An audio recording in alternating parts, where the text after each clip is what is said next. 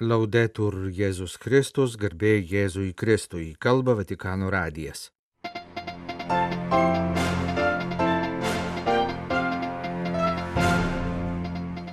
Ketvirtadienio pavakarę popiežius kartu su anglikonų bažnyčios vadovu vadovavo mišparams, užbaigusiems maldos už krikščionių vienybę savaitę.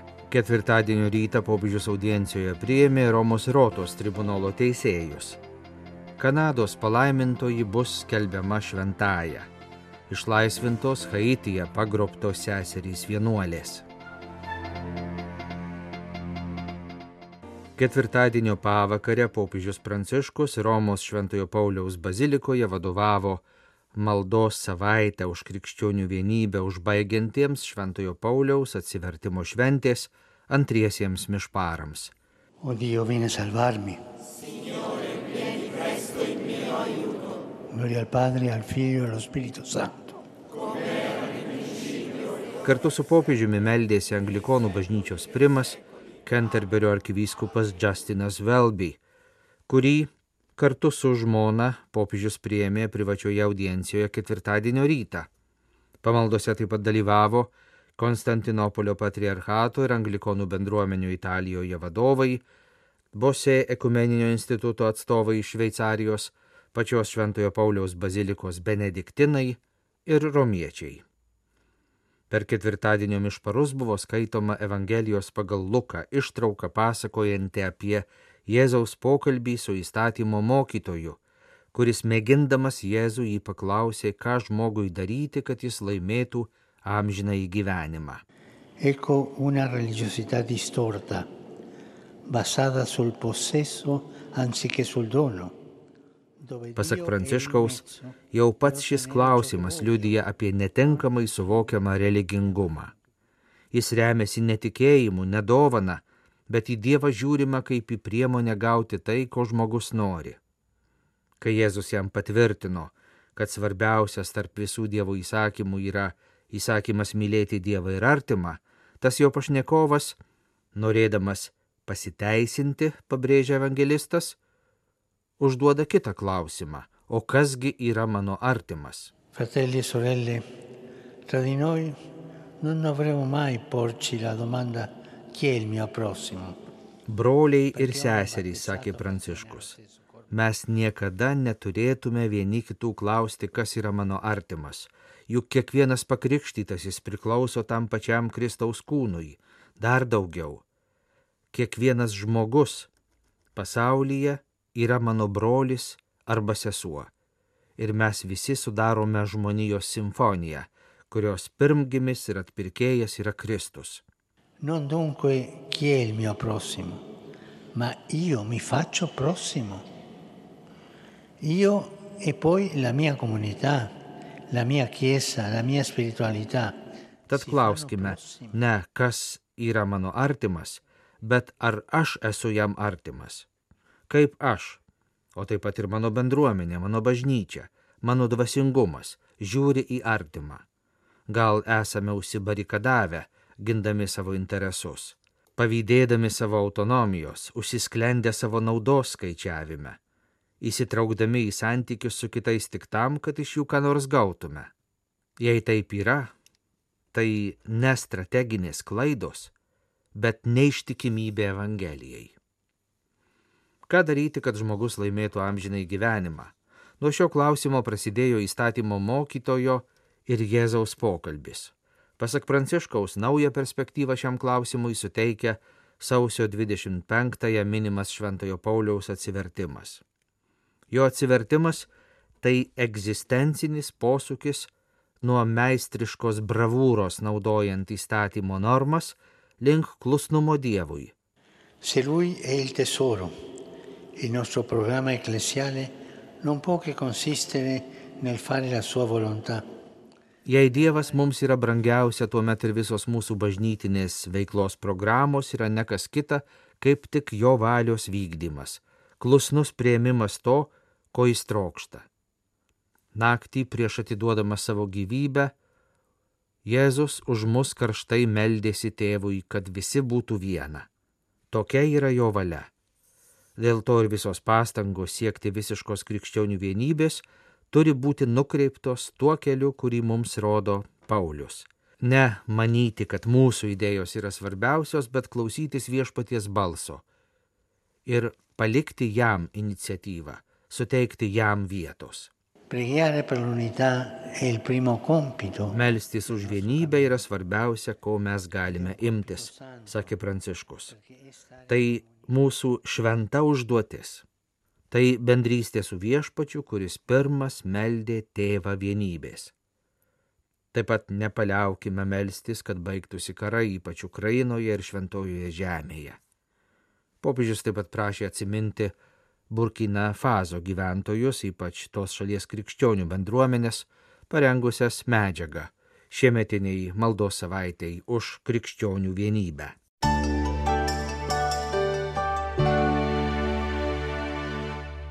Ketvirtadienį sausio 25 dieną popiežius Pranciškus priėmė Romos Rotos tribunolo teisėjus. Šis tribunolas yra paskutinės instancijos teismas, iš viskupijų gaunamose santokos negaliojimo bylose. Per šiemetinį susitikimą su santokos bylas tyriančiais teisėjais popiežius atkreipė dėmesį į labai svarbų šios bažnyčios vykdomo teisingumo srities aspektą - dvasinę įžvalgą teisėjams priimant sprendimus. È un tema sempre attuale che ha interessato anche l'ambito dell'attuata riforma dei processi di nullità matrimoniale nonché la pastorale familiare. Šios temos aktualumas ypač išryškėjo, kai tiek pastaruoju metu reformuotoje santokos negaliojimo pripažinimo bylų tvarkoje, tiek ir bendrai šeimos pastoracijoje buvo labiau pabrėžtas gailestingumas tikintiesiems atsidūrusiems probleminėse situacijose. Tačiau ir panaikinus reikalavimą dėl dviejų instancijų teismų sprendimų santokos negaliojimo bylose, sutrumpinus patį bylos nagrinėjimą bei supaprastinus teismų darbą ir toliau lieka galioti pareiga tarnauti tikintiesiems, padedant jiems suvokti tiesą apie santoką. Pabrėžiant teisingumo svarbą šeimos pastoracijoje nesumažėja įsipareigojimas siekti teisingumo santokos bylose. Popiežius patikino, jog jis gerai supranta, kad nėra lengva priimti sprendimus santokos bylose sprendimas santokos negaliojimo byloje tai didelė atsakomybė, kurią bažnyčia patikėjo teisėjams. Jų sprendimai visada turi labai didelę įtaką asmenų ir šeimų gyvenimui. Dėl to vykdant šią tarnystę reikia drąsos, reikia aiškaus padėties supratimo, tačiau pirmiausia, labai svarbu pasikliauti šventosios dvasios šviesą ir stiprybę. Implorando il dono dello Spirito Santo Solo così si giunge a decisioni che vanno nella direzione del bene delle persone e dell'intera comunità ecclesiale. Popiežius sakė, kad dvasinės įžvalgos procesas visada yra susijęs su malda, prašant šventosios dvasios dovanų. Tik taip įmanoma priimti sprendimus, kurie tarnauja asmenų ir visos bažnyčios bendruomenės geroviai. Teisėjo išvalgumas turi remtis dviem darybėmis - išmintimi ir teisingumu o šias darybės turi stiprinti meilė. Tiesos išvelgimo santokos negaliojimo bylose procese reikia visada atsiminti, kad bažnytinė teisė turi būti vykdoma turint prieš akis santokos neišardomumą. Šią tiesą bažnyčia saugo kaip tikrą ir neginčiamą, beje skelbė savo mokymų bei liudijimu. Popiežius pridūrė, kad santokos negaliojimo bylos svarstymas yra sinodinis Paprastai sprendimą priima teisėjų kolegija, o jei ir teisėjas yra tik vienas, jis konsultuojasi su kitais, tad įžvalga vyksta dialogo ir diskusijos atmosferoje, kurioje nuoširdumas ir tarpusavio įsiklausimas yra esminiai dalykai, ieškant tiesos. Baigdamas savo pastabas, popiežius meldė, kad Romos rotos teisėjų darbą savo užtarimu lydėtų švenčiausioji mergelė Marija. Išmintingoji mergelė, ir teisybės paveikslas.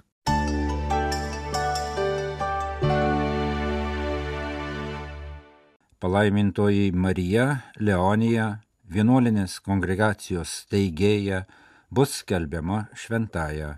Kanonizavimo apieigų data dar nenustatyta, popiežius Pranciškus, patvirtinus kanoninės bylos medžiagą apie stebuklingą pagyjimą įvykusi 1986 metais Monrealio pediatrinėje ligoninėje, meldžiant palaimintosios užtarimo, nurodė šventųjų skelbimo dikasterijai skelbti atitinkamą dekretą. Būsima šventoji Marija Leonija, Elodija Virginija Parady buvo vienuolinės kongregacijos teigėja, jos dvasinės šeimos vienuolės, šventosios šeimos mažusios seserys, pagrindinį dėmesį skiria dvasininkų geroviai ir paramai busimiems kunigams. Pasak palaimintosios, kunigams reikia pagalbininkų apaštalavime ir rodos, niekas to nenujaučia. Ši mintis negailestingai persikioja ir savotiškai liūdina. Marija Leonija, šventosios šeimos mažųjų seserų kongregacijos steigėja, 1912 metais gimė Dangui Šerbruke, Kanadoje.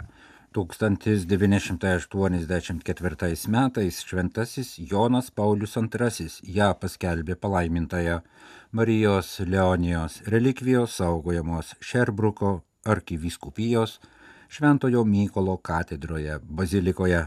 Šventųjų skelbimo dikasterija trečiadienį sausio 24 dieną informavo, kad popiežius įgaliojo skelbti iš viso šešis dekretus, tarp kurių keturi dėl Dievo tarnų ir tarnaičių herojiškų darybių ir vienas dėl kankinystės. 1946 metais Lenkijoje nužudytas diecezinis kunigas Michalas Rapačas bus skelbiamas palaimintuoju.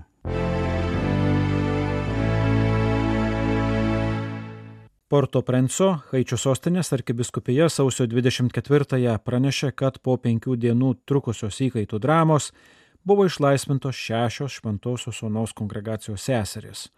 Jos buvo pagrobtos sausio 19-ąją Haičio sostinės centre. Kaip pranešama Šventosios Onos seserų kongregacijos interneto svetainėje, šiuo metu apie 40 seserų vienuolių darbuojasi švietimo sveikatos priežiūros ir parapijų silovados laukuose. Haičio sostinėje ir keliose kitose vietose jos administruoja įvairių lygių mokyklas. Po šešių seserų pagrobimo visų mokyklų veikla buvo sustabdyta. Vienuolių pagrobimas dar kartą priminė itin blogą padėtį Haityje. Valstybės institucijos ir įstatymai beveik neveikia.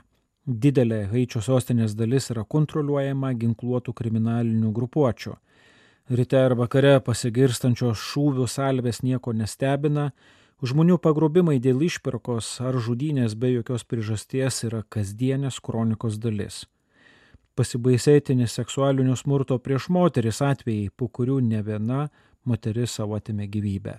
2023 lapkritį Junktinių tautų organizacijos komisaras žmogaus teisėms padėti Haityje pavadino katastrofišką Dar metams nepasibaigus jau buvo užregistruota ko ne 4000 žmogžudyščių ir ko ne 3000 pagrobimų atvejų. Gaujų smurtas pasiekė ir zonas, kurios iki tol buvo saliginai saugios, kaip kad provincijų kaimiškas vietovės. Neatsitiktinai viena 2023 m. tarptautinės žmogaus teisų organizacijos Human Rights Watch ataskaita apie Haitį pavadinta Gyvenimas košmare. Šiame sunkiame kontekste dirba Šventosios Sūnos seseris, motinos Teresės seseris, kitos vienuolijos ir misionieriai.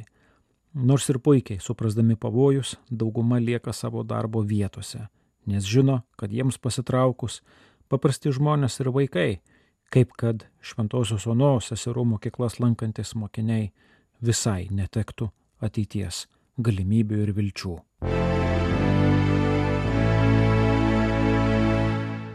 ES šalių viskupų konferencijų komisija ir Europos bažnyčių konferencija įvertina pusmečio iššūkius Belgijai perėmus pirmininkavimą ES tarybai. Tarp temų - karas Ukrainoje ir Gazoje, taip pat būtinybė rasti politinį ir socialinį sutarimą dėl ekologinio perėjimo padvigubinti diplomatinės pastangas siekiant taikaus ir tvaraus Europoje ir prie jos sienų vykstančių konfliktų sprendimo, gerbent tarptautinę teisę ir skatinant šalių dialogą.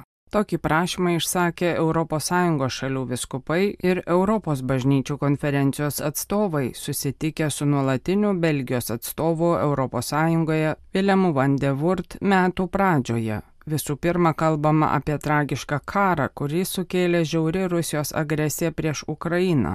Konfliktas, kuris ne tik metė iššūkį tarptautiniai tvarkai, bet visų pirma yra siaubingų žmonių kančių ir plataus naikinimo priežastis.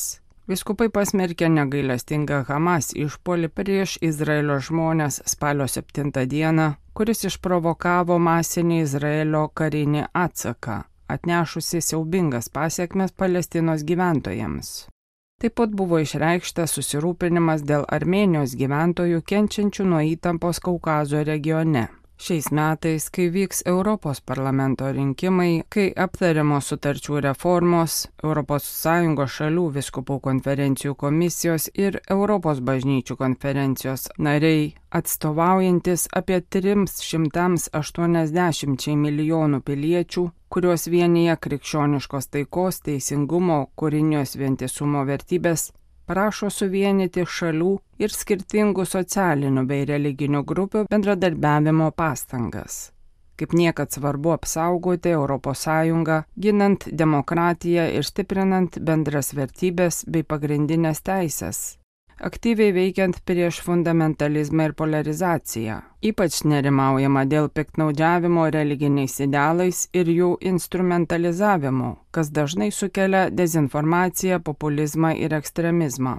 Biskupai pastebi, kad daugelie valstybių narių didėja nerimas ir baimė dėl socialinių dabartinių ir būsimų ekologinio perėjimo kaštų.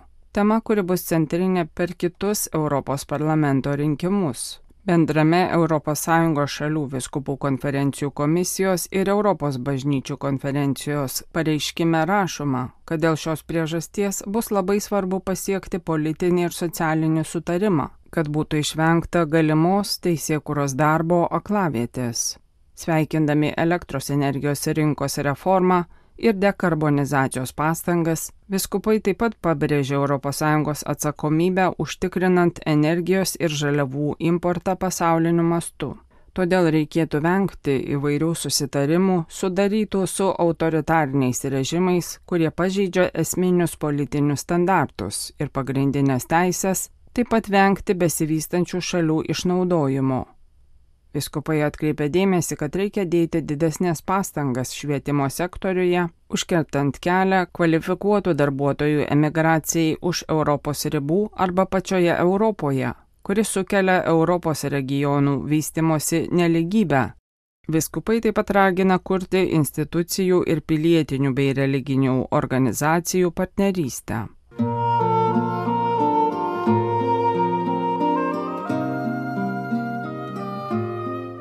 Kalba Vatikano radijas. Mėlyjeji klausytojai, primename, kad Vatikano radijo laidų jūs galite klausytis ne tik per Lietuvos radio kanalą Klasika ir Marijos radiją, bet ir per mūsų interneto radiją, kurio galima klausytis mūsų interneto portale. Vatikano radio lietuviškasis kanalas veikia visą parą be pertraukos. Jo laidų tinklelyje žinios lietuvių kalba, liturginės valandos, rožinio malda, mišios lotynų kalba ir klasikinė muzika. Primename mūsų interneto portalo adresą vaticannews.va lt. Jūs klausėtės Vatikano radio žinių laidos lietuvių kalba. Atsisveikiname iki rytojaus. Laudetur Jėzus Kristus.